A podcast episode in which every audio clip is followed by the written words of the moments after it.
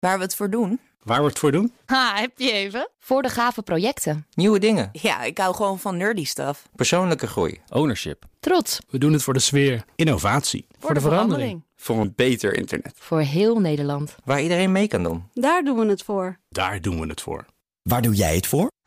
Kom werken voor KPN en groei op jouw manier. Check de actuele vacatures op het gebied van data, security, development en networking op jobs.kpn.com/tech.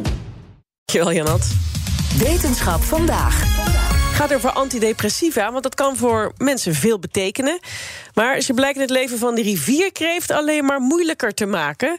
Wetenschapsdirecteur Carlijn Meijers vertelt meer over hoe dat zit. We hebben het over een onderzoek van de Universiteit van Florida. Nou is het natuurlijk wel bekend dat resten van veel van de medicijnen die we gebruiken, maar ook iets als drugs bijvoorbeeld, in omgevingswater kan terechtkomen omdat afval niet goed geloosd wordt, bijvoorbeeld. Of omdat we het uitplassen en dan via de toilet vindt het dan een weg naar het omgevingswater. Datzelfde gebeurt met antidepressiva. En omdat rivierkreeften nou eenmaal in het water leven, krijgen ze daar regelmatig een beetje van binnen. Het gebeurt dus ook met andere middelen en ook bij andere dieren. Maar in dit geval wilden ze heel specifiek weten: wat doet antidepressieve nou met het gedrag van de rivierkreeft? Oké, even ervan uitgaan dat we niet weten hoe een rivierkreeft zich normaal gesproken voelt, zeg maar, van binnen. Dat, dus ze hebben natuurlijk in, uh, ook gekeken wat, wat een, een uh, groep kreeften die niet te maken had Ja, met natuurlijk. restjes, Ja. eh, hoe die zich gedragen. Maar dat, Dus is, een ja, vergelijking. maar dat is uiterlijk vertoon natuurlijk. We hebben geen idee precies gaat over de gevoelswereld Maar van. eh, Maar goed, werkt het een beetje hetzelfde als bij ons? Eh, wat ze zagen was dat de rivierkreeften die bloot werden gesteld aan een lage dosis van dit medicijn. wat meer durfden dan de rest. Eh, ze lieten zich vaker zien, verstopten zich minder. en ze waren daardoor meer op pad op zoek naar voedsel. Ja, is dat goed of niet goed?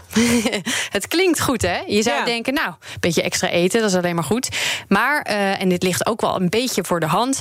minder verstoppen betekent ook meer risico om opgegeten te worden.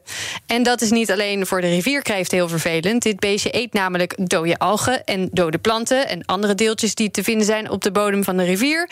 Hele belangrijke schoonmaakrol hebben ze dus. Wat gebeurt er als er minder rivierkreeften zijn? Dan wordt dat hele proces weer verstoord. Oh ja. Weten ze dan ook bij welke hoeveelheden het misgaat? Dat is eh, het handige van een onderzoek in een lab. Dit onderzoek werd niet in de natuur gedaan, maar in een nagemaakte natuurlijke omgeving. Daar kun je die hoeveelheid aanpassen.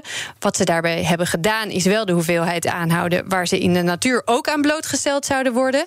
Dat kregen ze een paar weken lang binnen, terwijl een controlegroep, ik zei het al even, helemaal niet in aanraking kwam met antidepressiva. Om nou goed te testen in hoeverre het gedrag tussen die twee groepen verschilde, hebben ze een eidolhof gebruikt. In de vorm van een Griekse ei? Ja, een doolhof in de vorm van een Griekse ei. Eh, korte ingang en dan een splitsing in twee banen. De rivierkreefjes werden één voor één bij de ingang gezet, nog in hun schuilcontainertje. Oh, een schuilcontainer. En dan keken ze hoe lang het duurde voordat de kreeft uit zijn huisje kwam. Een van de vertakkingen bevatte chemische stofjes die duiden op een andere rivierkreeft. En eentje stofjes die duiden op voedsel. Toen zijn ze gaan meten welke kant kozen de rivierkreeften dan. En hoe lang bleven ze buiten hun schuilplaats. En ik zei het al even net, de rivierkreeften die aan de antidepressiva zaten. kwamen eerder uit hun schuilplaats en bleven langer zoeken naar voedsel. En die andere tunnel dan met die andere rivierkreeft? Ja, dat is een goeie. Je zou kunnen denken, ze zijn minder bang. Dus ook eh, minder bang voor confrontatie. Maar nee, dat gebeurde ook weer niet. Ze werden er dus bijvoorbeeld niet agressiever van tegenover soortgenoten. Eh, wat ze wel zagen in deze setting was dus dat de hoeveelheid algen en andere deeltjes enorm veranderde in die leefomgeving.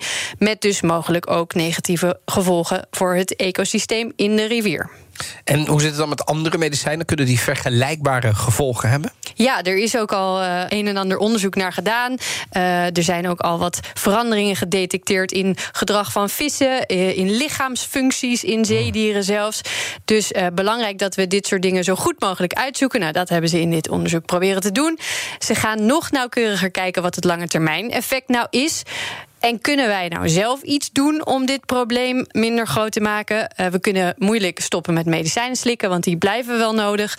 Eh, maar, zeggen de onderzoekers, let dan in ieder geval op dat je de medicijnen die je niet gebruikt of die over datum zijn op de juiste manier weggooit. Zoek het op, breng ze netjes weg als nodig. Denk aan de extroverte en inmiddels misschien wat vetgemeste rivierkreeft Oh. die binnen no time opgegeten wordt omdat hij te veel durft de volgende keer als je je pillen weggooit. En dat zei Carlijn Meinders, onze wetenschapsredacteur. Wetenschap vandaag wordt mede mogelijk gemaakt door Gimmicks. Gimmicks, your trusted AI.